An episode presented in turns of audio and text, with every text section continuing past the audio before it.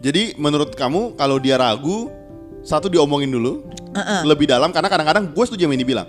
Kadang-kadang yang bikin kalian ragu tuh karena kalian nggak pernah bahas aja. Betul. Jadi betul. kan uh, persepsi per- kita persepsi berbeda. Kita berbeda gitu. Betul. Jadi akhirnya lu orang mencap Ah, dia males jangan-jangan- nih, Iya. gitu. Jangan-jangan dia gini ya. Padahal lu nggak pernah tahu sebenarnya dan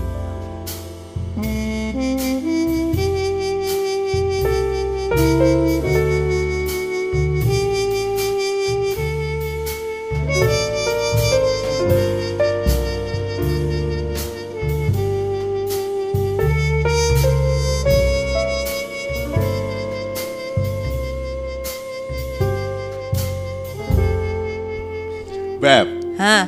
Nah, kali ini kok kamu kayak mukanya ditahan-tahan gitu kali ini? Belum ngomong. Enggak, enggak ditahan-tahan. Kamu nggak tahu kan muka aku kalau ditahan-tahan? eh. Aku tahu. kan aku kita kan sering banget di kamar berdua. Ah, ah. Jadi aku tahu momen ketika lagi pengen nahan-nahan aku tahu. Oh, Jadi iya. aku tahu banget ekspresi muka kamu tuh aku tahu banget. Oke. Nah, terus emang kenapa? Enggak apa-apa. nah, eh, jadi teman-teman, kali ini kita pengen bawain topik yang menarik. Oke, pas topik kita selalu menarik. Kalau nggak menarik kita nggak mungkin bawain. Jadi kalau aku ngomong Beb, topik ini menarik. Itu menurut kamu setiap minggu kamu bilang gini, Beb, topik ini menarik. Iya, Topik benar. ini menarik. Heeh. Jadi kamu denger itu merasa Nggak relevan kayaknya. enggak. Kali ini kita pengen bawain topik yang pendengar kita salah satunya request. Betul. Dia, dia nyanyi gini, Kak gimana kalau misalnya udah mau merit tapi ragu? Oke. Enggak, sebenarnya gue pengen jawab gini. Jangankan lu udah mau merit tapi ragu. Oke. Gue yang udah merit aja ragu sebenarnya. Lu jahat banget. Keraguannya apa dulu? Tergantung. Nggak, Mungkin kadarnya beda kali ragu. Maksudnya gini, ke, misalnya gini ya, ketika lu menikah gitu ya, ah. menikah, lu kan jadi ragu. Lu bisa memuaskan di Baru gue mau ngomong. Tapi itu kan udah nggak ragu lagi. Oh iya, apalagi kan udah udah jadi. udah jadi kan gitu sebenarnya. Jadi jadi masalahnya em, buat temen yang nanya ini, kita tuh sebenarnya bingung juga. Heeh. Yang lu ragu itu apa sebenarnya? Betul. Ka- karena setiap hal tuh ada batas-batas toleransinya menurut Benar, kita. benar. Betul ya? Beb, menurut kamu? Orang-orang itu mungkin ragunya beda-beda gitu Hmm. ya kan. Mungkin gua eh, ragu ketika dia, aduh kok dia dulu kerempeng, jelek, terus bau gitu kan. Ragu-ragu gitu kan. Woi. Apakah dia akan terus seperti itu? Woi, tunggu, tunggu, tunggu. tunggu, tunggu, tunggu, tunggu. Kan misalnya. Eh, tunggu, tunggu, Gua tunggu. nggak bilang ini kebenaran. ini Ya, contoh. tunggu, tunggu, tunggu. Itu agak tendensius ya. Dulu krempeng, jelek sama bau. Heeh. Gue tuh merasa nggak enak rasanya. Kenapa oh, gue berarti merasa benar. makanya? jadi waktu dulu kita, jadi dulu waktu aku PDKT sama kamu itu Ah. sekitar empat tahun, kamu ragu karena aku krempeng jelek yang bau. Enggak, aku kan bilang misalnya. Tapi itu ada itu ada premis misalnya, Beb. Tapi kamu mukanya serius banget itu. Ya harus serius dong. Kalau enggak ya pendengar kita dengarnya nggak serius. Eh, coba lanjutin, lanjutin. Aku pengen tahu apa sih lanjutannya? Misalnya ragunya kayak gitu. Eh. Mungkin buat mereka ya udah cowok gue kerempeng jelek nggak apa-apa lah Eh. gitu kan. Tapi buat gue itu itu penting banget I gitu. see. Nah mungkin buat orang lain kayak eh, beda agama itu kayaknya nggak masalah gitu. Buat mereka tuh bukan big deal gitu. Jadi nggak ragu. Tapi ketika misalnya mereka udah mau menikah, ada pasangan lain yang bahkan satu agama pun masih nggak yakin juga gitu. Ini kamu bilang kan, kita ini satu agama, tapi big deal juga. Iya. Karena beda, beda tempat ibadahnya. Bener. Beda, beda merek. Beda. Jadi lu beli nugget, beda merek. Oh, jadi iya. jadi masalah. Gitu. Sebenarnya kan gitu kalau Oke, terus Beb, terus Beb. Iya, misalnya gitu. Jadi mungkin kita eh, perlu coba klarifikasi apa yang bisa bikin ragu sih kira-kira gitu see. kan. Jadi kan sekarang kita mau bahas nih. Kita tuh ragunya kenapa? Betul. Beb, tapi berhubung handphonenya di kamu, aku lihat dulu ya. Oh iya. kan, tadi, kan tadi kita udah bahas. Kan tadi eh, handphone aku buat rekam nih, handphonenya lihat Oh iya, kan. boleh boleh. Budi ragunya. Um, oke oke oke. Nah ini ini, Ini- memperlihatkan tingkat intelijensinya juga agak sedikit kurang ya. Eh bukan, ini handphone gue di situ nyatetnya di sini tadi. Ini gue nggak bisa denger dong. Tapi gini, teman-teman, ini ini kisah nyata sebenarnya. Jadi Hamin 6 bulan sebelum kita menikah kali ya. Heeh. Gue bikin surat. Gue bikin surat tertulis. Unyu Gue banget kan? Enggak. Gue bikin surat. Gue sampai pengen bikin surat. Ada tanda tangan kontraknya di situ. Gue pengen Mendy tanda tangan bahwa ini adalah sesuatu yang kita yakini bersama. Saking gue ragunya sama Mendy. Statement of faith Iya. ceritanya. Saking gue segitu takutnya mau merit tuh bayangin ya. Kita satu agama. Finansial kita itu lumayan cukup lah sebenarnya. Kemudian kita waktu itu eh, rumah juga udah udah nyicil, Betul. mobil ada. Waktu itu pokoknya kondisinya oke. Tapi gua ragu banget satu hal ini. Karena menurut gua dia radikal Hah. di agamanya kita berdua. Kita Ah. seorang Nasrani. Gue sampai shock kan, gue sampai segitu takutnya dan Karena dia nggak radikal. Menurut gue dia dia nggak radikal sama sekali. Dia tuh suam-suam kuku. enggak enggak enggak. Jadi menurut gue waktu itu eh, Me- eh, Mandy tuh menurut gue itu eh, sesat paradigmanya. Jadi gue segitu takutnya bini gue sampai gue cerita ke semua sahabat-sahabat gue, gue sampai bikin lima pertanyaan.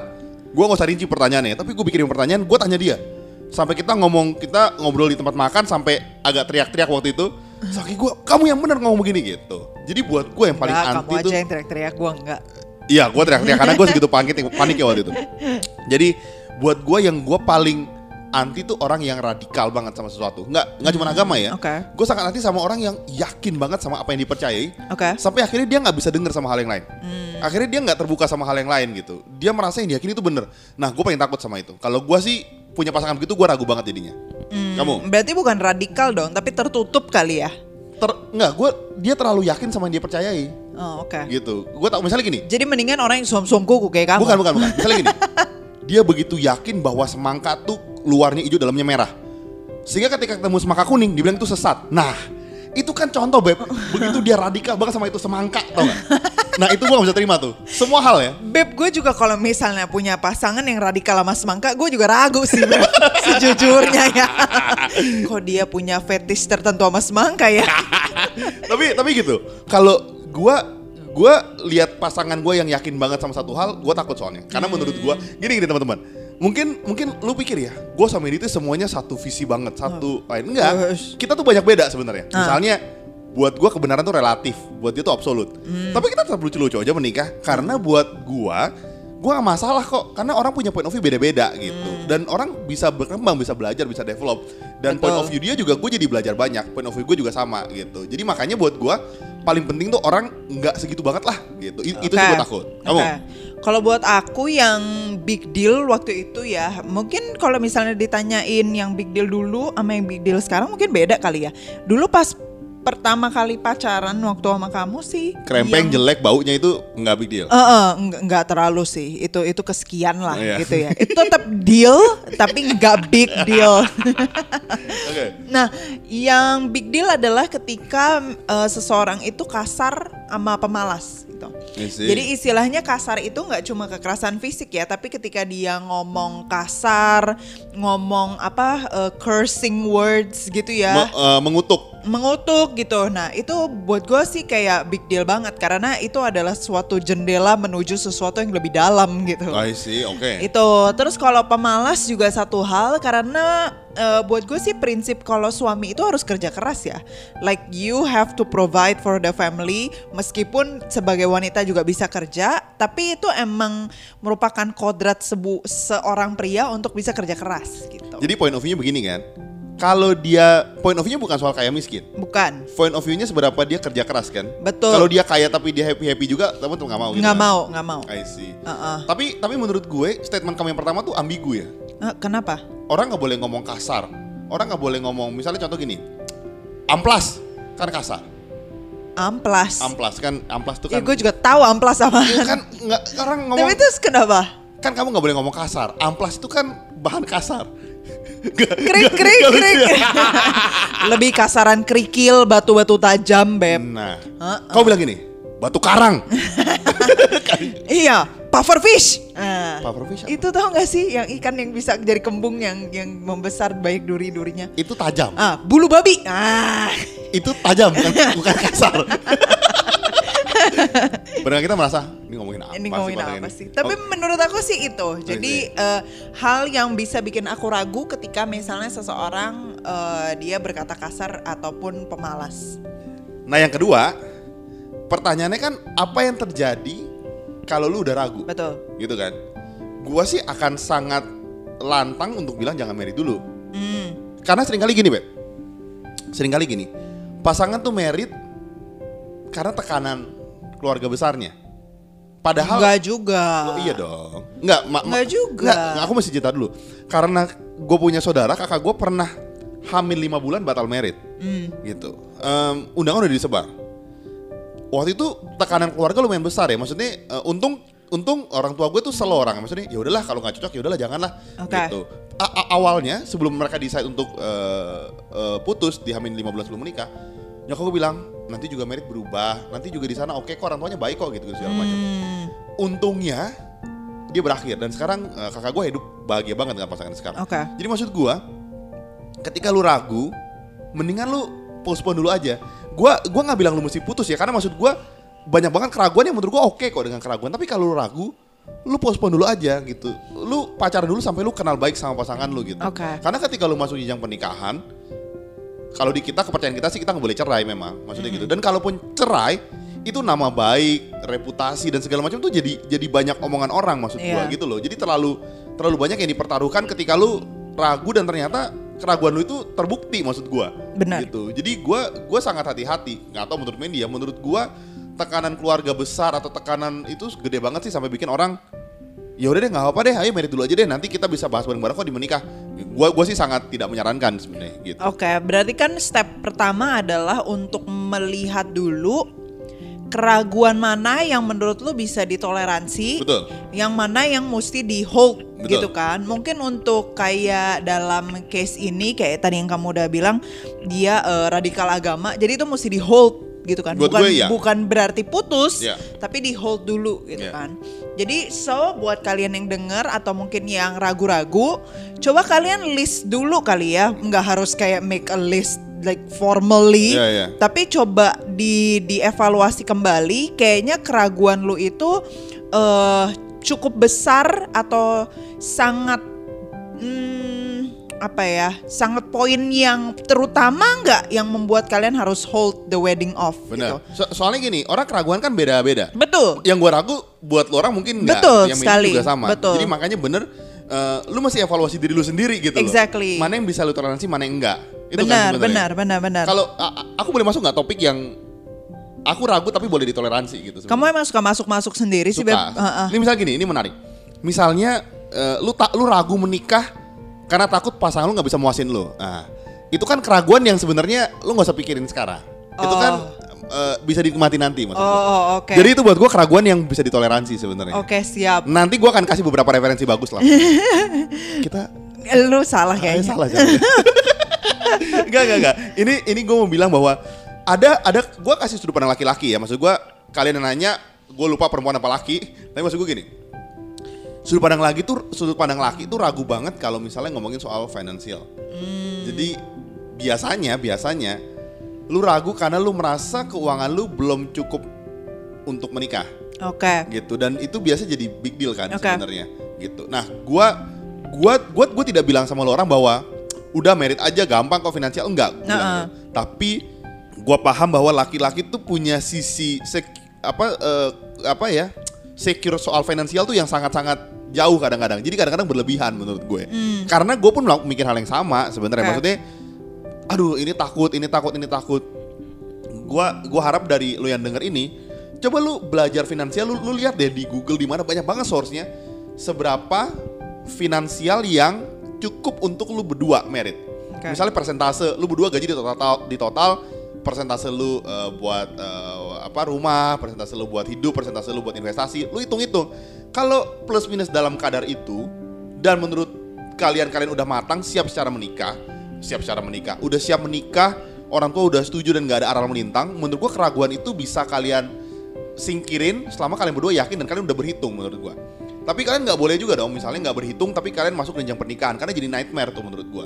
Jadi jadi mimpi buruk lah kalau nggak siap finansial. Tapi biasanya laki-laki tuh agak berlebihan soal itu gitu. Gua gua ketemu banyak pasangan ya. Perempuannya bilang "Oh, cukup kok, udahlah, cukup kok, udahlah gitu. Nah, karena karena gua sahabatan sama dia, temenan baik, terus kadang-kadang kurang, dan kadang-kadang kurang gitu. Dan menurut gua itu em, bisa ditoleransi sebetulnya. Karena lu orang kan punya angkanya, lu punya tulisannya gitu. Kadang-kadang yang bikin kita nggak cukup tuh karena kita mau lebih dari yang sekarang. Iya, Which betul. itu bukan kebutuhan kita sebenarnya. Betul. Keinginan aja. Itu sih menurut. Iya, karena ketidakpuasan manusia sih sebenarnya. Iya, makanya lu mesti puas lah. Biar lu dong. Iya, apalagi kalau udah punya istri. Uh, Oh. lebih puas lagi.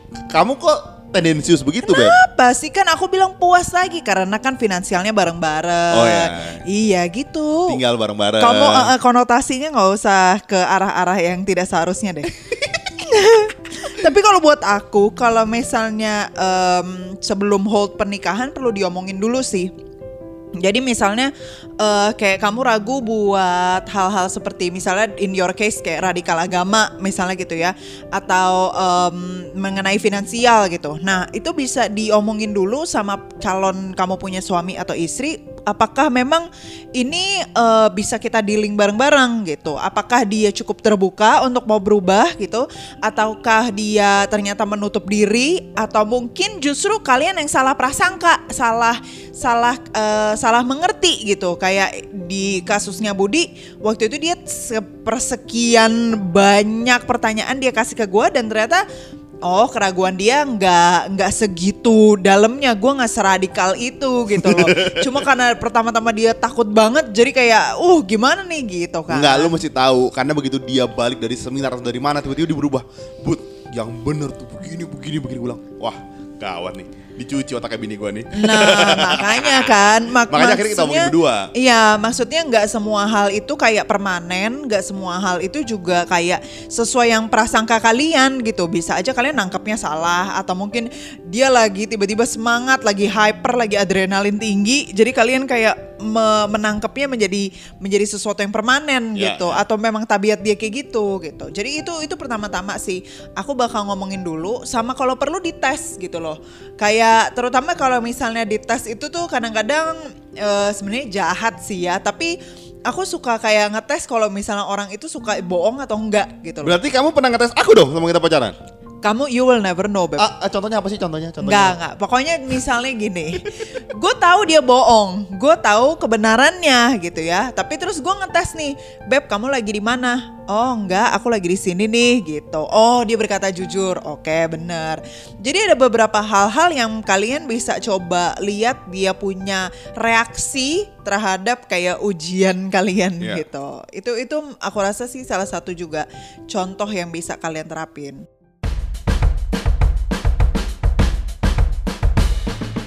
Kalian tahu nggak sih rahasia bagaimana kita berdua bisa bikin konten setiap minggunya secara rutin?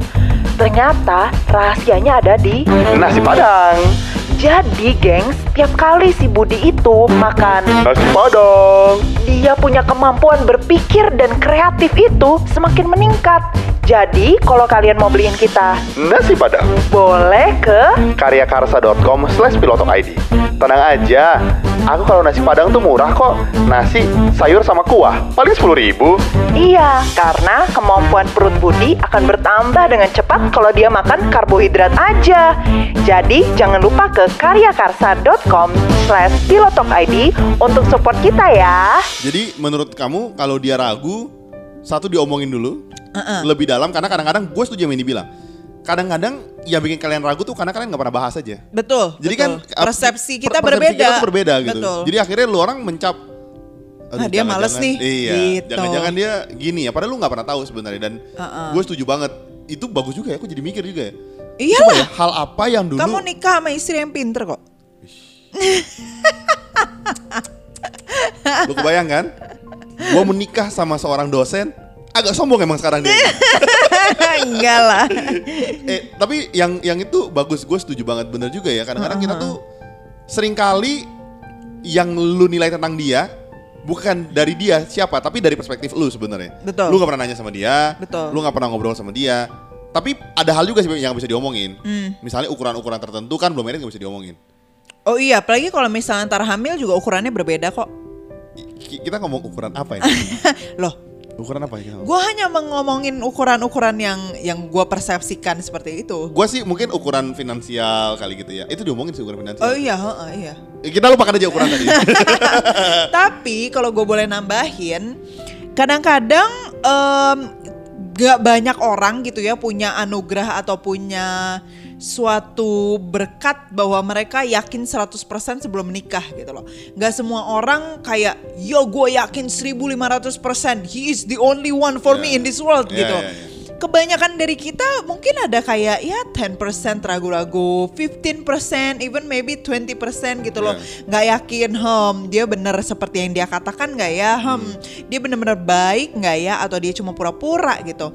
Dan gua rasa it's okay juga selama maksudnya eh, di kadar yang memang kalian merasa eh, itu bisa ditoleransi gitu ya, bukan hal-hal yang seperti mendasar kayak mungkin agama atau radikal seperti itu. Nah, eh, itu justru membuat kayak suatu ruang untuk iman itu bertumbuh gitu. Ketika kalian ada ragu, karena nggak semua hal itu bisa kalian kontrol. Even, setuju. even in marriage juga setelah kalian udah menikah, misalnya menikah lima tahun, itu pasti beda kalian punya challenges dibandingkan orang yang udah nikah 25 tahun atau udah nikah 50 tahun gitu. Jadi yang orang kalian nikahi sekarang pun tidak akan selamanya seperti itu. Ya, itu ya, bisa menjadi berita baik ataupun buruk gitu Ya. Berita baik karena mungkin dia akan menjadi lebih baik. Berita buruk karena Mungkin dia akan jadi lebih dia buruk. menjadi lebih buruk. Lima tahun lagi, hmm, kok dia nggak punya kebiasaan seperti ini ya? Ya. Atau mungkin let's say ya ada contoh gitu ya. Hmm, pas pandemi kan lu pas dulu pacaran kan nggak pernah pandemi Iya, kan? iya, nggak terus pas pandemi lu baru tahu lu punya suami ternyata penakut banget sama sama sama pandemi. Jadi dia parno abis ke mana-mana gara-gara covid 19 mesti sterilisasi. Ke mana-mana iya, nggak iya. berani ketemu orang nggak berani mesti jaga jarak sampai 5 meter kalau Iya, perlu iya, gitu iya. kan. Nah lu kan pas pacaran nggak tahu ya. Iya. terus pas udah suami istri lu jadi stres. Aduh gila suami gua penakut banget. Kok dia dulu pas pacaran nggak ketemu? Jadi it's okay gitu untuk punya kayak suatu ruang eh, bahwa kalian ragu-ragu ataupun bahwa suatu ruang eh, kalian di mana tidak yakin karena yaitu di mana iman yang sejujurnya bertumbuh di dalam keragu-raguan ataupun ketidaktahuan akan masa depan. Dan menurut gue ruang-ruang itu juga diperlukan untuk satu eh, membuat lu jadi mawas diri. Uh, jadi aware. true. Ketika lu Ya. ragu kan lu jadi aware ya maksudnya. Betul, betul. Misalnya gini, kadang-kadang orang jatuh tuh bukan karena dia jahat.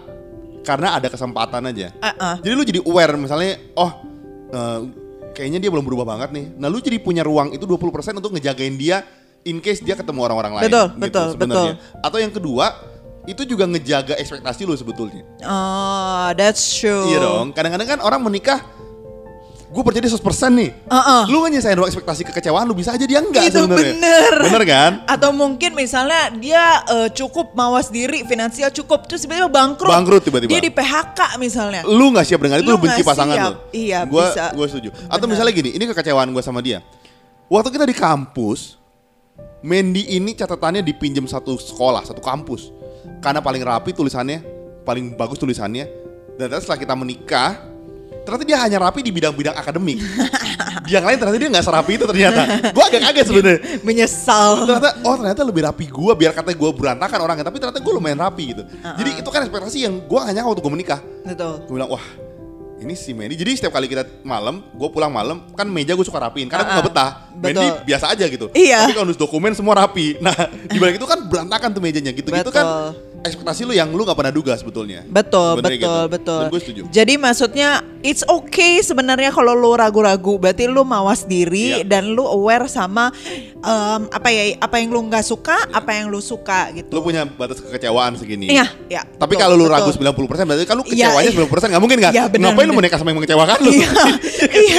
Bahkan belum menikah aja udah Udah kecewa, udah ya. udah udah banyak yang apa red red flag gitu loh. Nah. Gitu. Ini ini abis ini kita mau ngomongin soal apa yang buat gue jadi batas gue gak bisa toleransi keraguan gue. Oke. Itu- Nah, itu kan gimana kan. gimana?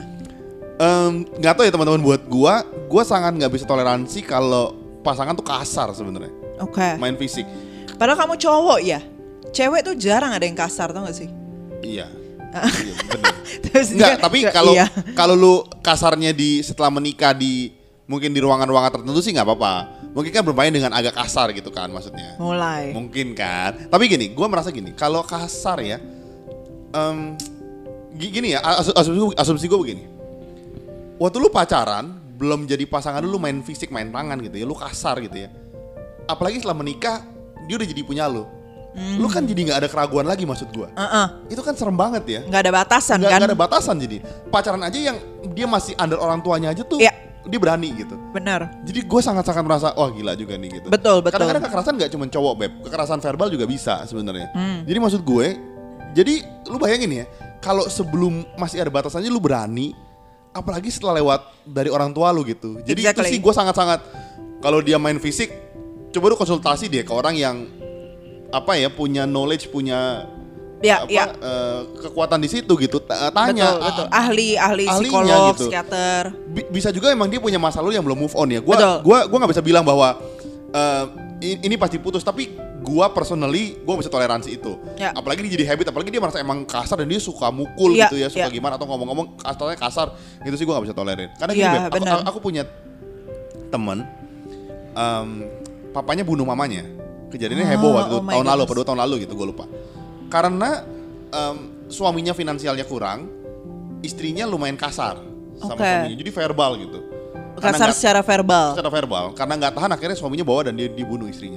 Masuk berita koran dan lumayan Wow. happening waktu itu. Jadi gue sadar kekerasan tuh nggak nggak cuma soal ada juga kan yang berita juga cowok kasar. Iya, Terus, mukul. Iya, istrinya kesel dia bunuh suaminya sama pacarnya gitu. Iya, iya. Maksud gue kekerasan tuh kayak nggak pernah nyelesain masalah. Heeh. Itu itu bahkan nyakitin banget menurut gue. Jangan nangis dong, Beb. Jangan nangis. Jadi gue bisa terima sebenarnya. Tapi kalau mungkin kasarnya di kasur di mana mungkin ya Oh iya, kalau kasar di kasur emang gak sakit sih. enak. Kalau kasarnya di batu, ah itu sakit beb. Soalnya kan berat, apa keras? Woi, tahu kan konteks gue mau ke mana sebenarnya? Enggak, enggak tahu. kamu kamu kamu. kamu. Nah kalau aku sih ya em, mungkin yang nggak bisa aku tolerir part of sebenarnya dari kekerasan part of gitu. Tapi nggak hanya kekerasan tapi cara dia treat orang lain juga pengaruh sih buat gua. Misalnya cara dia em, nge-treat waiternya di di restoran cara apalagi apalagi ya cara dia nge-treat orang tuanya. I see. gitu. Karena eh, gimana pun juga cara dia nge-treat orang tuanya yang ngelahirin, ngebesarin, yang sudah berkorban jauh lebih banyak daripada lu sebagai pacarnya telah berkorban aja dia paybacknya dengan cara seperti Ya, itu ya, gitu. ya. Apalagi lu yang baru kenal I don't know four five years Yes, gitu yes. dan belum belum berbuat apa-apa buat lu, belum ngelahirin Hmm. lu, nggak berkorban banyak mungkin, nggak sebaik orang tuanya. Tapi cara dia treat orang tuanya udah kayak gitu Ya, ya. gitu. Apalagi lu gitu kan sebagai calon suami ataupun calon istri. Jadi I would look for signs di uh, hubungan dia sama orang tuanya dulu gitu ya. With with the assumption that uh, maksudnya orang tuanya itu um, normal gitu ya. Maksudnya well of course we we never know mungkin orang tuanya ada kelainan apa atau mungkin sakit atau mungkin apa itu special case lah. But in general kalau misalnya dia treat orang tuanya badly, it will also reflect on how he treats you atau how she treats you juga Agree. gitu. Oke. Karena ada banyak juga kan cerita-cerita nggak dari cerita teman-teman gue sih, tapi dari kayak teman-teman Budi sendiri gitu loh. Cara dia nge-treat orang tuanya gitu, nggak mau ngampuni orang tuanya atau dia eh, berantem, berantem sama orang tuanya terus langsung putus hubungan kayak udah nggak ngobrol sama sekali. Iya. Nah, akhirnya apa? Eh, secara nggak langsung dia sama mm, istrinya hubungannya nggak bahagia gitu loh nggak nggak pernah puas karena dari dirinya sendiri juga dia belum belum selesai belum kelar gitu loh nah jadi itu itu bakal menjadi salah satu poin penting buat gue untuk dilihat apakah hubungan dia sama orang tuanya baik atau enggak Wish. berat berat Jadi em, buat kamu yang nanya, kalau kamu nggak siap denger ini nggak usah denger. enggak, enggak, enggak, enggak gitu ya. Enggak, kayaknya. tapi i- yang yang kita bilang beda sama orang karena setiap orang punya takarannya beda-beda. Maksudnya didikan orang tuanya beda, Ya. eh, mindset kalian juga beda. Kita cuma ngasih apa yang udah kita lewatin sebenarnya, apa Betul. yang kita lihat eh, batas-batas kita dan kita bisa sharing ke kalian gitu. Betul, Dan gue tahu tiap orang tuh punya batasan beda-beda sebenarnya Yes. gitu. Kamu lagi mau nambahin? udah itu aja Kamu sebagai dosen kan biasa suka nanya. Coba kamu tanya kalau dia nggak bisa jawab. Enggak, kamu- gue juga sebagai dosen harus berani menyimpulkan Oh iya, oh iya. iya, iya. Jadi maksudnya uh, maybe in in the end gitu ya, kalian perlu tahu dulu ragunya itu rasional atau enggak rasional. Ya. Maksudnya seberapa jauh you're fine with it, seberapa jauh kamu nggak oke dengan itu gitu ya. Jadi mungkin dipresentasein lah gitu, dibuat suatu kayak rubrik apakah gue oke dengan ini atau enggak dan seberapa banyak. Dan eh, kalau misalnya tips dari kita berdua, it's okay to have some eh, apa doubt gitu Ya, ya, keraguan sedikit gitu loh karena you'll never know the person that you're gonna marry Iya, iya. eventually dalam lima tahun, 10 tahun, 20 tahun gitu. Karena even manusia itu berkembang gitu. Dan dia kan bisa berubah dengan mereka situasi bisa tertentu. betul even mereka menikah sama lo ataupun nggak menikah sama Betul, lo mereka betul. akan bertumbuh dengan sendirinya gitu kan makanya ada misalnya quarter life crisis Betul. midlife crisis itu nggak ada hubungannya dengan eh, mungkin ya nggak ada hubungannya dengan pernikahan kalian Ya, tapi ya. emang Memang fase ya, hidupnya. ya fase hidupnya, hidupnya. gitu jadi it's okay if you're a little bit have like doubtful gitu Mi- itu itu eh, itu membuat ruang buat beriman Gue gue setuju. Pandemi mengubah banyak pasangan gitu. Iya, iya. Sebelum pandemi kita berdua sama-sama, pas pandemi kita jadi bertiga punya dede. Wow, gua, bener juga. Ih, bayangin dong. salah. Juga ya, Beb. Iya ya, dong. ya Nggak ampun. hanya mindset yang berubah, fisik juga bisa berubah. Oh iya, benar. Heeh. Enggak jadi maksud gue lu masih Ukuran juga berubah, jumlah berubah. Nah, Iya. lu bayangin kan? Jadi nggak hanya mindset, fisik, nafsu juga. Nah, iya benar. Jadi lu mesti camkan itu baik-baik. Heeh, yang tadinya dipersatukan oleh Tuhan sekarang diperduakan. Karena beranak Oh iya. menjadi dua. Yang ini gue gak ngerti tapi ya udah. Jadi sampai situ aja. Semoga topik kita bisa membantu buat kamu yang nanyain topik ini. Yes. Jadi sampai situ aja. Sampai jumpa di episode minggu depan. Eh tunggu. Kita belum ngomongin. Belum. Kalau gua terlalu excited. Gue excited. Oke. Buat Jadi- teman-teman yang masih mau nanya-nanya bisa DM kita ke Pilotok.podcast atau bisa email kita ke. pilotok pilotokpodcast.id at gmail.com Jadi sampai situ aja. Sampai ketemu minggu depan. See ya.